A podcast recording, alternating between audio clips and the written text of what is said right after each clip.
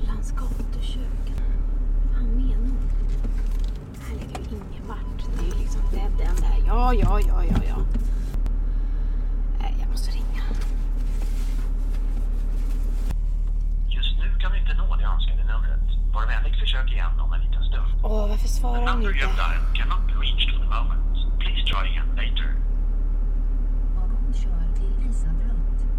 Visad rutt. My ass.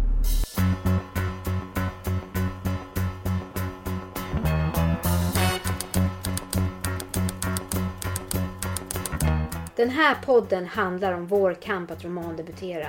Om allt det där som är före det glammiga. Allt slit. Ångesten. Hur vi kämpar vidare genom regnet av refuser och fortsätter redigera, trots blodsmak i munnen. Vi pratar om hur man ska våga tro på sitt projekt och på sig själv, även när ingen annan gör det. Det är jag som är Nina De är. Och det är jag som är Johanna de Valiant. Och vi tänker debutera. Eller dö. Out of bed and I stumble to the kitchen. Pour myself a cup of ambition and yawn and stretch and try to come to life. Jump in the shower and the blood starts pumping. Out on the streets, the traffic starts jumping with folks like me on the job from nine to five. Working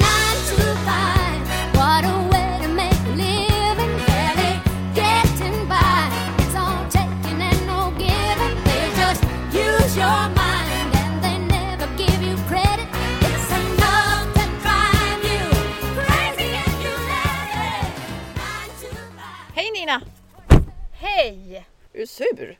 Ja, jag har suttit vid Gullans gatukök i the middle of nowhere och försökt ringa dig i 20 minuter för jag vet inte, det du sa, ta av på 52 det var fel, det, jag kom ingenstans. Skulle du äta korv? Nej, jag skulle till dig för att det är kris, vi måste prata. Varför svarar du inte? Nej men jag pratade med Charlotta von Zweigbergk. Va? Författaren? Jag blev så jädra inspirerad. Du vet, jag var ute och sprang och så hade jag ljudboken i öronen och jag fick liksom ingen luft för att den var så gripande så jag var tvungen att stanna och ringa henne. Ja, det var ju bra. Jag väntar ju på en vägbeskrivning. Är du sur? Jag är faktiskt lite sur, jag är i affekt just nu. Jag är i affekt. Vem säger så? Kom nu!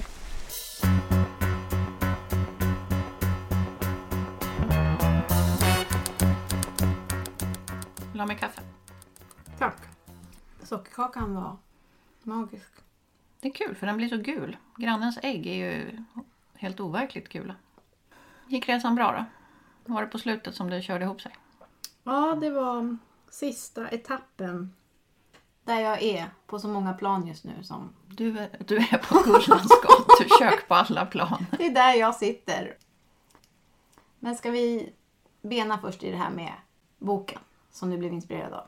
Ja, att för mig komma igång med min bok var ju ett litet hästjobb här för några veckor sedan.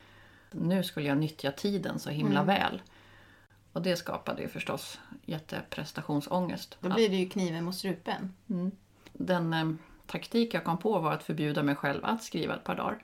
Jag kände jag måste vila. Jag får inte skriva. Och man vill ju alltid det man inte får. Så först tog du mig till haket. Och sen då när vi skildes åt? Så var det tre dagar som jag bara satt på en stubbe i skogen och mediterade. Och bestämde mig för att absolut inte få röra vid datorn. Och då blir man ju sugen. Man vill ju det man inte får. Mm. Det är som att banta. Det är svårt. Så att eh, när jag hade suttit där ett tag så började det bli tyst och tomt och då drog jag mig på mig springskorna och satte en ljudbok i öronen. Fattigfällan. Charlotta von Zweigbergs Augustnominerade fackbok. Jag hade haft den nedladdad ända sedan i vintras och velat lyssna på den men inte haft tid. Eh, Men det var ju som att Gud hör bön att jag plötsligt satte på den i det här tillståndet när jag hade svårt att hitta inspiration. För det hon gör i den boken är det jag vill göra i min bok. Ge röst till någon som annars inte får en talan men som behöver höras. Den är kategoriserad som en fackbok men hon gör det ändå skönlitterärt. Det går inte att inte gripas av den. Skriver man i dialog och i jag-form så blir det så nära. Charlotta von Zweigbergk. Hej Charlotta! Gud vad bra att du svarar för jag är så nyfiken så jag kan dö på hur din resa var genom den här skrivprocessen med Fattigfällan. för det första så blev jag ombedd att skriva den. Eh, Det var ju Beata som ju då boken handlar om. Hon vände sig till Ordfront och ville få sin historia berättad. Och eh, eftersom hon, hon vet ju att eh, jag har skrivit reportageböcker förut och framför allt så visste hon att jag också har varit långtidssjukskriven och att jag borde förstå en del om kampen mot Ah. myndigheter. Hon visste att du skulle ha igenkänningen. Ja, för jag, jag fick hjärninflammation när jag var ensam med tre barn och bara ett handikappat och egenföretagare och sådär. Så att hon visste att jag visste Mm, att det inte är helt lätt i livet. nej. Och då var det lättare för henne att öppna sig för dig och ge sin historia. Mm. Hur mådde du nu då? Blev det en återupprepning? Att skriva den här boken var så förfärligt. Det, det, det är det värsta jag har gjort. Framförallt var jag så arg när jag skrev boken. Jag var rasande, inte bara ledsen utan arg. Jag tror att det lyser igenom och- och jag tror att det är det som gör att den här boken har blivit så pass uppmärksammad. Att det är ett, eh, ett raseri. Den är skriven i ett raseri. Hur uppstod formatet? Det här är en fackbok. var- Fackböcker brukar inte se ut så här. Det brukar inte vara dialog och inte vara berättade i första person. Nej, mm, det här var ju ett sätt att göra den tillgänglig för så många som möjligt. Eh, Det här är ju ingen statistikbok eller så, utan det här är ju just att man tar till sig saker på det mer känslomässiga planet.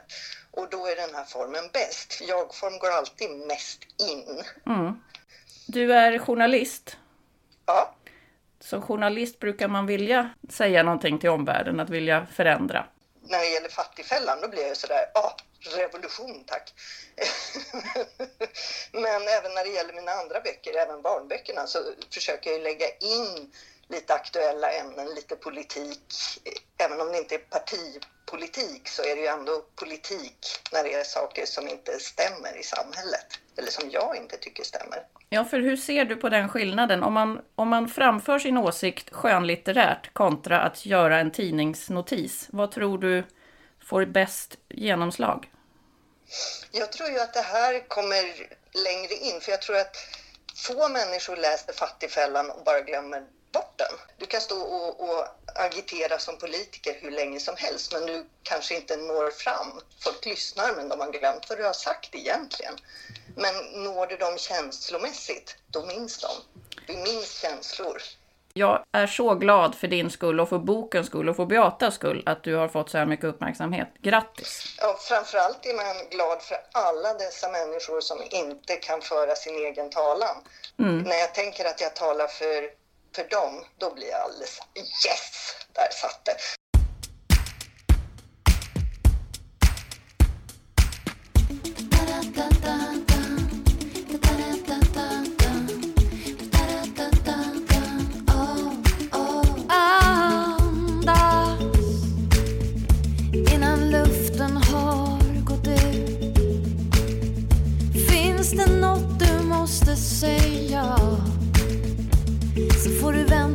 Din tur.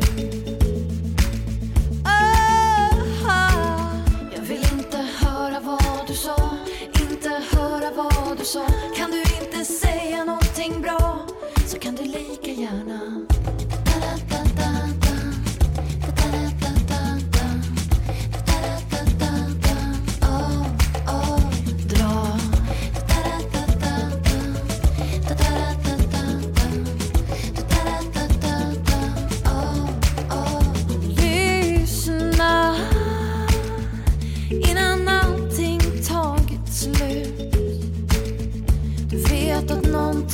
måste hända. För du har varit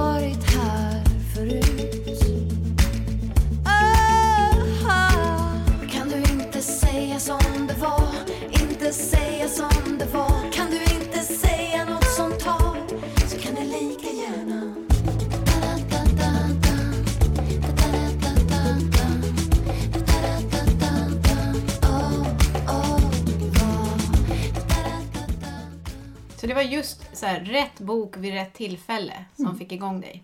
Attraktionslagen kom igen. Ja, men det är skönt. Den här boken är ju sann. Kvinnan finns ju på riktigt.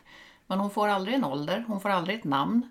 Hon ges aldrig en adress och man pratar om att hon har en sjukdom som aldrig namnges och man pratar om att hon är egen företagare men aldrig inom vilken bransch.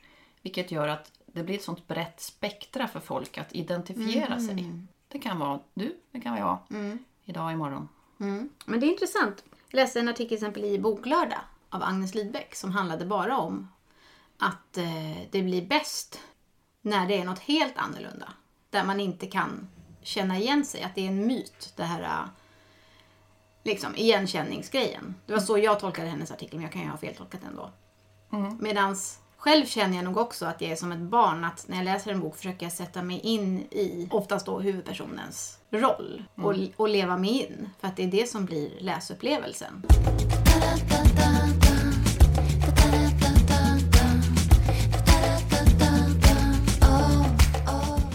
Men hela din bok handlar ju om identitet. När jag säger att det handlar om identitet så handlar det för mig om att det egentligen är någon annan som säger vem man är. Och så ska man förhålla sig till det ett helt liv. Ehm, ja, det var det jag ville utforska, det jag ville säga. Men vad bra, då är det sagt.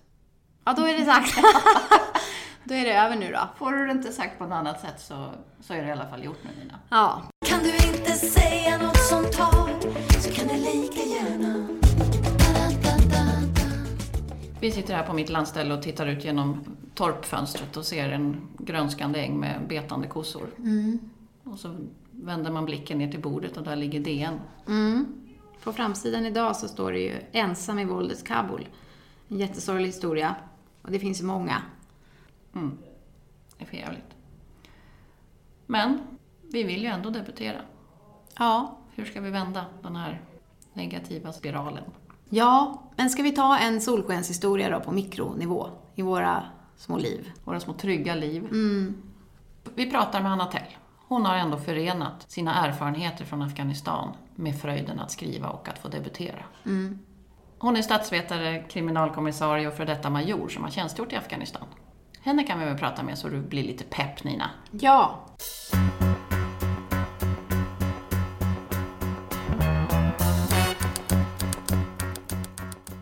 Vi är så stolta att ha en gäst här hos oss, Anna Tell, som har skrivit Fyra dagar i Kabul. Säger man Kabul eller Kabul? Man kan säga vilket som. Bägge två går hem. För det låter lite proffsigare känner jag när jag säger Kabul. Vi säger Kabul. Det är som eh, en fantastisk debut. Alltså vi blir så inspirerade. Både av dig som människa och din bakgrund och även att den här, hur den här boken skrevs, hur den kom till. Ja. Har du lust att berätta Ja. hur bokresan gick? Vad Ja. fick dig att skriva det här första kapitlet för tre och ett halvt år sedan? Om man börjar ännu längre bak så Mm. hade jag... Jag jobbade i Afghanistan 2008 och började skriva ett manus när jag kom hem därifrån under 2009 och de åren som gick efter det. Och det skickade jag in till förlag och det, det blev aldrig utgivet. Men när jag fick de här refuseringsbreven som var väldigt positivt eh, skrivna sådär att eh, lektörs, jag fick eh, fyra olika lektörsutlåtanden som ändå hade liksom en positiv eh, klang i att eh, ingen var sugen på det här som det var men ändå eh, fundera på om du ska skriva om och skicka in igen och då kom vi med de här råden och så vidare. Och då, då fick jag väl liksom till slut, man hade deppat ner i det där att den inte blev utgiven. Men när jag ändå kokade ner gemensamma nämnare från de här lektörsutlåtandena så fanns det ju några konkreta saker att ta avstamp i och då skrev jag ett nytt manus och det är den här. Det här manuset blev ju, skrevs ju bättre eh, eftersom jag hade det här manuset från början som inte blev utgivet där jag hade gjort en del trial and error grejer. Eller jag skrev, det blev färdigt men kanske inte på det mest tidseffektiva sättet eller kanske inte på det sättet som egentligen passade mig bäst att skriva. Så ehm, jag övade kan man säga på det där som inte blev utgivet. Men jag fick lite blodad tand när liksom inte gick hela vägen. Men det kändes också som att det föll på mållinjen så det blev också en bekräftelse på att ja, men det här var ju faktiskt inte hundraprocentigt okej men det var ju ändå väldigt nära. Alltså, jag är kapabel att skriva ett manus som kommer gå hela vägen. Så då satte jag mig och skrev det där. De som till slut kommer ut, de har ju kämpat vidare. Alltså inte gett upp på det där första som inte blev, utan skrivit en till. Men var det här en helt ny story då?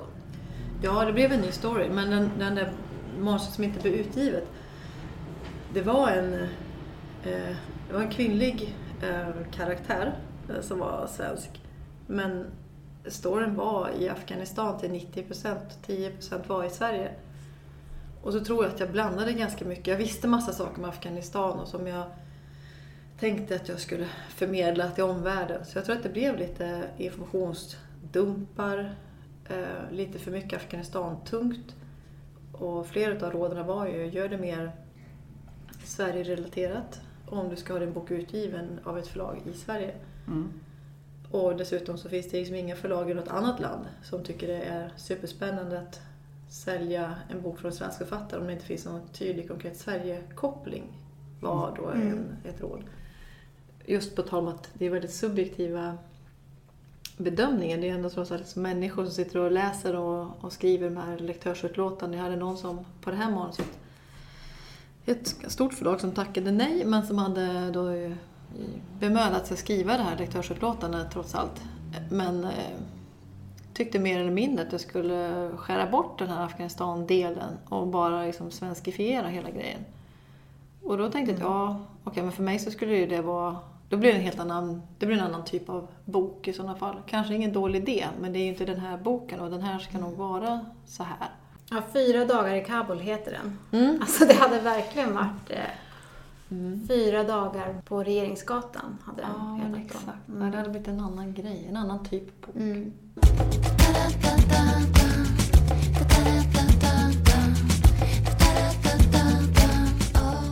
Man blir väldigt nyfiken på om man som svensk är stationerad i Afghanistan, vad man så här går och längtar efter.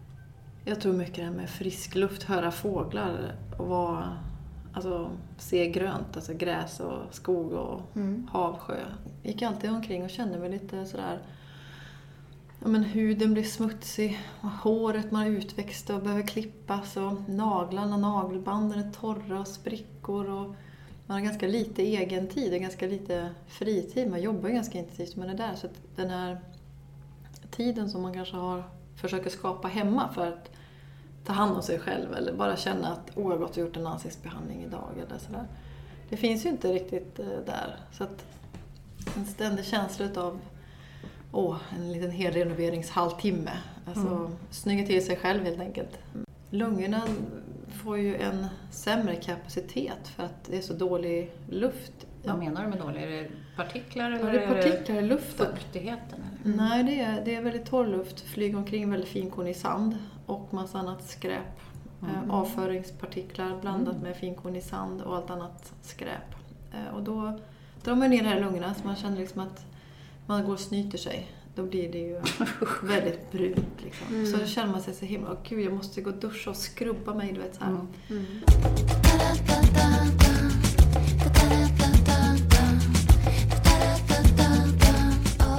Vad har varit din drivkraft att skriva? Jag ville gärna skriva den här boken och när jag väl började skriva och kände att det här är ju superkul. Eh, Det, är, det ger mig jättemycket att sitta och skriva den och när jag märkte att det här börjar faktiskt bli någonting. Det är precis som att man fick den här lite blodade tanden att jag måste fortsätta, det här ska gå att ge ut, det är klart att det måste gå. Och då har jag liksom inte riktigt, då kan jag inte ge upp eller jag kan inte lägga det på hyllan utan då måste jag slutföra. Debutera eller dö? Debutera eller dö. Jag upplevde att det här landet har en fantastisk kontext. Jag skulle kunna skriva en bok. Och nu så här i efterhand så kan jag tycka att Afghanistan förtjänar att läsas om. Och det tänkte jag inte så mycket på när jag, när jag började skriva. För då pågick ju fortfarande den här liksom militära insatsen och var fortfarande ganska stor. Men nu är ju den inte så stor längre. Men vi gör, Sverige har jättestort bistånd till Afghanistan. Men det finns så många andra oroshärdar i, i världen som vi får, får det här fokuset som Afghanistan fick tidigare. Men det är ju... En del saker har blivit bättre i Afghanistan men hotbilden är ju ändå väldigt hög. Och utvecklingen just nu ser inte så ljus ut. Men förutom allt du har berättat om Afghanistan så har ju i den här boken också framkommit en hel del, om jag får säga, kritiska inblickar från svensk politik och diplomati. Mm. Det krävs ju ganska mycket kunskap och den kunskapen kanske man inte hade heller initialt när man åkte till de här länderna.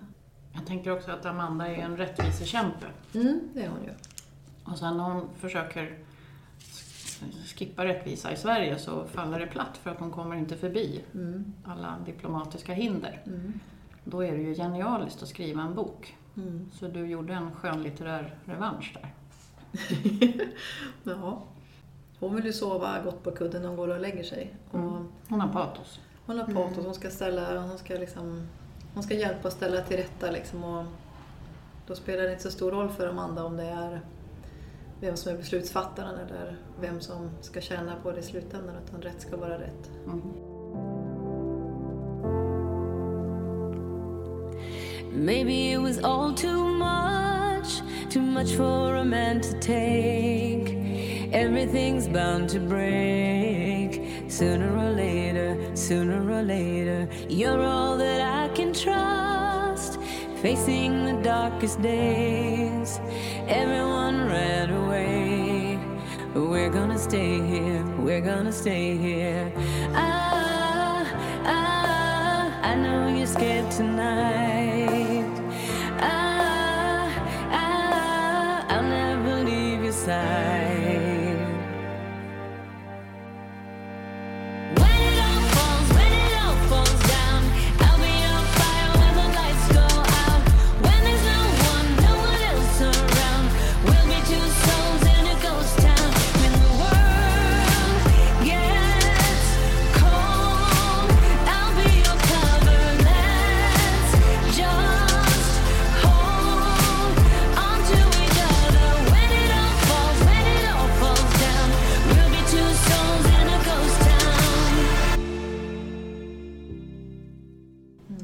När du har skrivit, det har varit när du har kommit hem?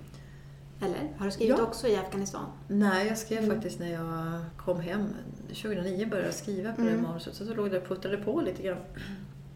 Men eh, det var egentligen när jag var i Afghanistan under 2008 som jag tänkte att om jag kommer att skriva någon bok någon gång, då kommer, det liksom, då kommer den här personen i boken, det kommer vara avstamp i Afghanistan, det kommer utspela sig här eller i Afghanistan. Det kändes verkligen så, så tydligt när jag var där att alltså miljöerna där är så magiska, det finns sådana kontraster. Du skrev om och gjorde en ny bok Mm. som blev den här Fyra dagar i Kabul. Mm.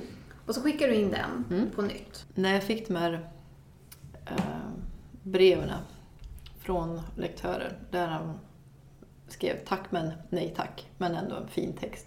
Då var det att det var alltså förlagen som Mm. lektörer som Mm. du fick ta del Eller av. de här som förlagen Externa. använder. Mm. Det passade sig ganska bra. Då skulle åka till, till Thailand. Jag stod där i två månader och hyrde ett hus. Så att då hade jag liksom väldigt bra förutsättningar för att ta tag i allt det här. Okej, vad är det de säger? Gemensamma nämnaren de säger det här. Okej, nu är jag i Thailand i två månader. Det är klart att jag börjar skriva ett nytt. Så direkt när jag hade fått de där negativa men positiva svaren, då började jag skriva på det här, detta manuset. Och då skrev jag på det i, i två år innan jag då tyckte att nu är det här så bra så att jag kan stå för det, så nu kan jag skicka in det. Så du får först feedback som du lyckas ta positiv energi ur. Mm. Sen råkar du ha två månaders skrivtid. Mm.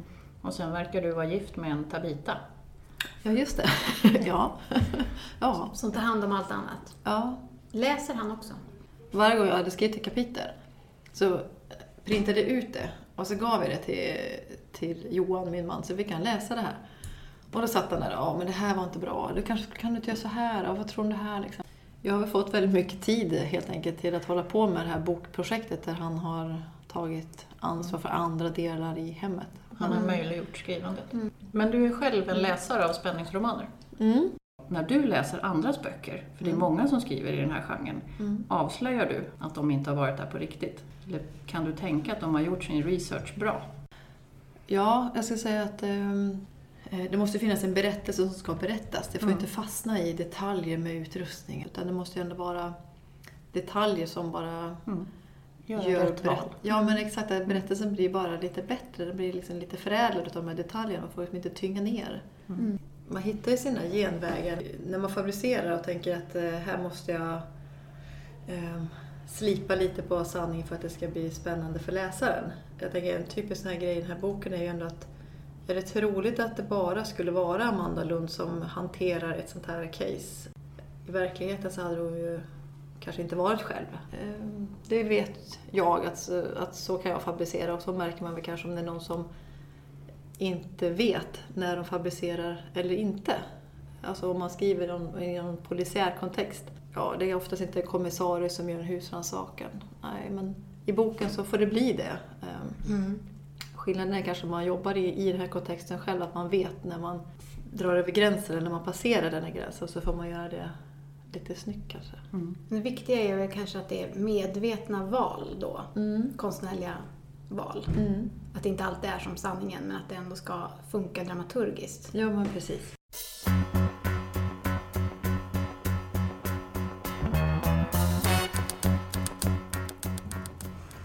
Ja, ja, vi sitter och drömmer oss in i... Tindrande ögon bara. Ja. Klick, klick, klick, klick. Ja. De finns, de här debutanterna.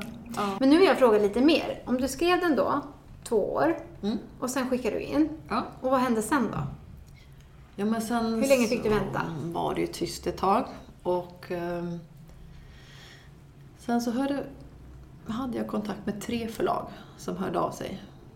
Och då, då var det först ett mindre förlag som hörde av sig och var väldigt um, ivriga och ville hemskt gärna skriva ett avtal. Och sen ehm, så hörde Wahlström och Wistrand av sig. Och de hade jag fått ett av de här väldigt bra lektörsutlåtandena av då på det första manuset. Så att mitt, det kändes som att mitt hjärta klappade väldigt mycket för just Wahlström och Wistrand. Så att då hade jag en dialog med dem och sen så var det ett annat eh, förlag som också hörde av sig. Och då självförtroendet blommade ju ut helt plötsligt. Då tänkte man, ja, här är det tre olika förlag helt plötsligt som är intresserade. Det blir en extra bekräftelse för att okej, men det här verkar ändå vara så pass bra. Men du sa att det tog fyra månader, nej fem, från att du skickade in tills att det blev kontrakt.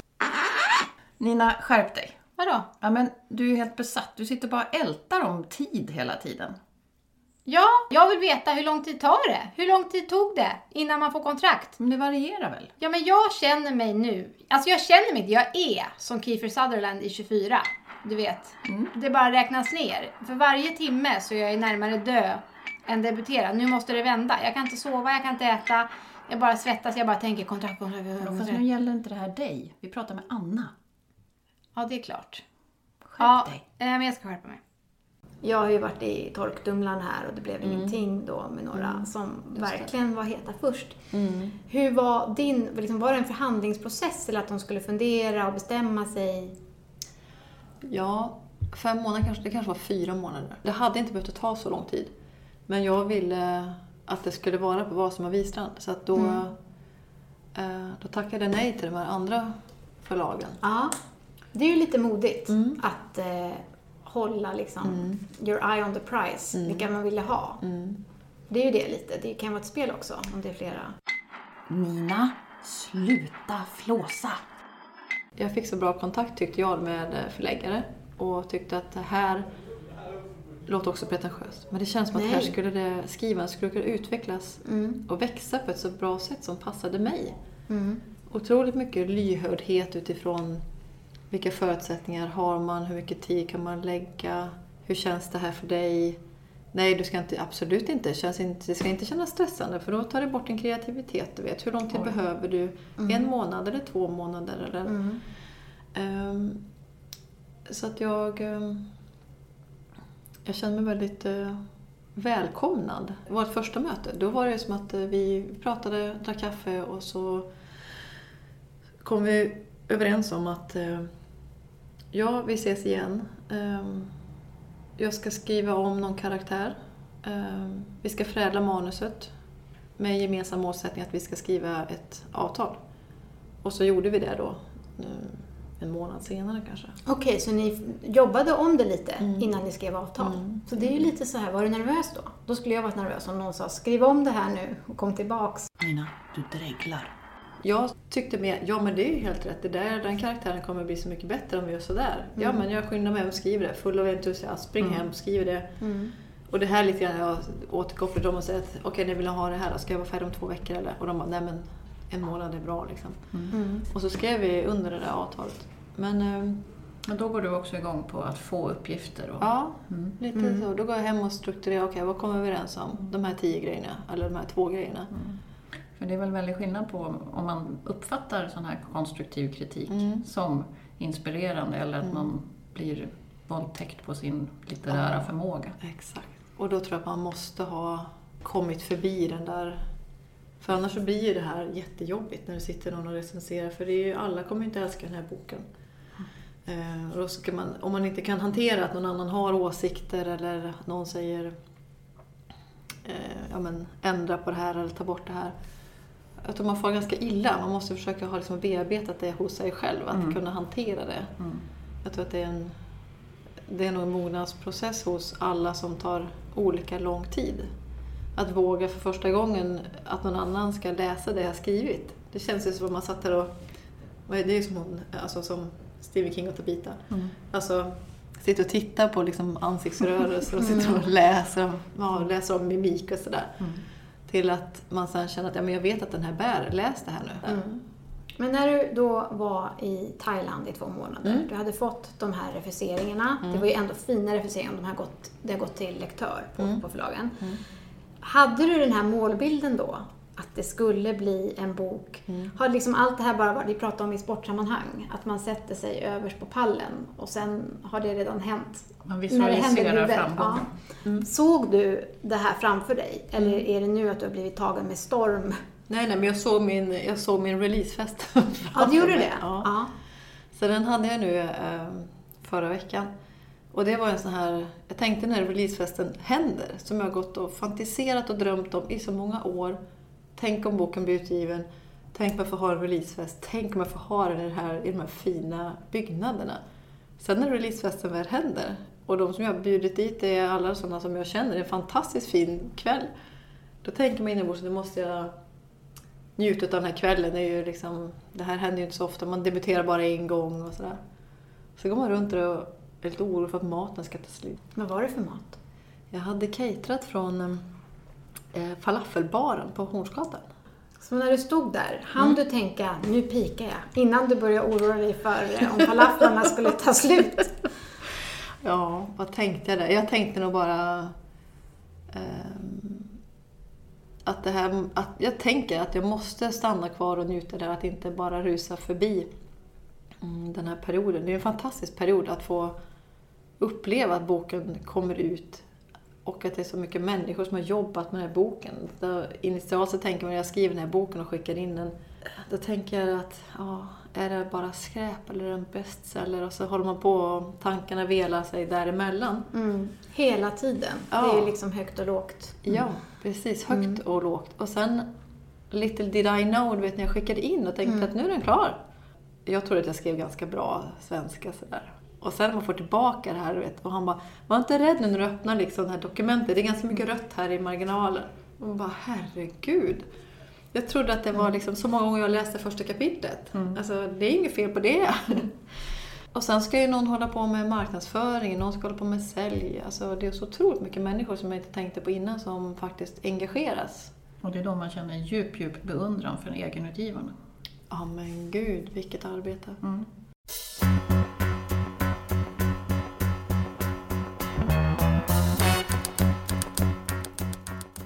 Alltså, den här boken den är ju så snygg. Förutom att den är bra. Ja, den är fin. Det enda jag tänkte när jag såg det här. Skulle, Am- har, hon, har hon tid, Amanda Att Lund, göra att sådär? göra en sån där snygg... Det vill jag alltid ha, men det blir aldrig så. Den här tofs... eh, Samma Håret här. om. Skulle också vilja ha Det sådär. enda krig du ingår i är med barnen, men du hinner inte. Men Amanda Lund hinner. Ja, men det är ju, vissa lyckas ju och andra kämpar på. Liksom.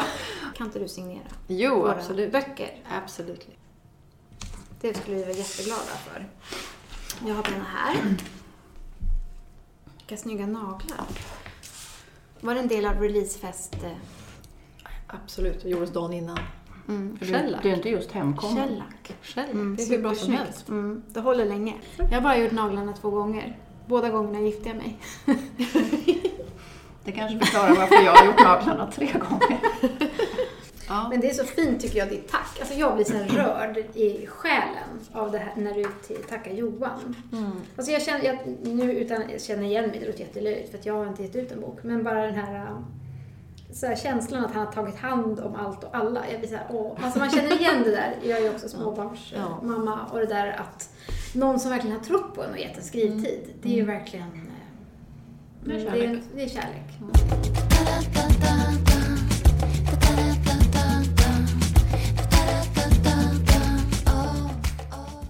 Det var verkligen kärlek att få träffa Anna Tell. Och du var verkligen jättekär. Ja, jag var lite jobbig, lite flåsig. Men det är väl det här, man försöker identifiera sig. Och hon är en dream come true. Inte bara att jag älskar hennes bok och hennes story, så är det inspirerande med någon som gör om och får igenom boken. Genom nålsögat. Hon hade true grit och Verkligen. kämpade på. Hon gav inte upp. Ehm, och nu ska ju hon köpa ett skrivbord, berättar hon. För att eh, hon ska skriva en ny bok om Amanda Lund som ska utspela sig på Balkan. Och det går så här superbra. Hon har ju eh, en agentur, Hedlunds Agency. Och de har sålt såna här preempts till både Tyskland och Polen och det fanns intresse från USA. Oj, så det här kommer ju gå hur långt som helst. Och jag längtar efter nästa bok. Även fast hon har nått alla våra drömmars mål så går hon och oroar sig för sina falafels. Det tycker jag är fint. Ja, det var fint. Men vad ska du ha då på din release? Vad ska du Eh. oroa dig över som ska ta slut? Jag ska oroa mig över köttbullarna. Jag ska såklart ha min releasefest på Haket och där ska vi ha köttbullar. Ah, men du, är inte det lite litet? Får det plats någon folk där? Det är gulligt, tack. Tack snälla Nina, men jag, jag tror att lokalen kommer räcka till. Ja, ja. Du då, vad ska du ha? Nej, men jag är ju mer drömmare. Jag slår på stort. Det ska ju vara champagnetorn. Såklart, såklart. Nu är det slut. Nu får du ju åka hem igen. Kommer du hitta då? Ja, jag, jag ska köra förbi Gullans gatukök. Jag ska inte stanna där. Ja, nästa gång så ska vi ju på crime time. Det ska bli kul. Där ska vi snoka runt. I Visby blir det verkligen på spaning med debutera eller dö. Häng på vår hashtag så länge. Debutera eller dö. Skriv som om det gäller livet så hörs vi.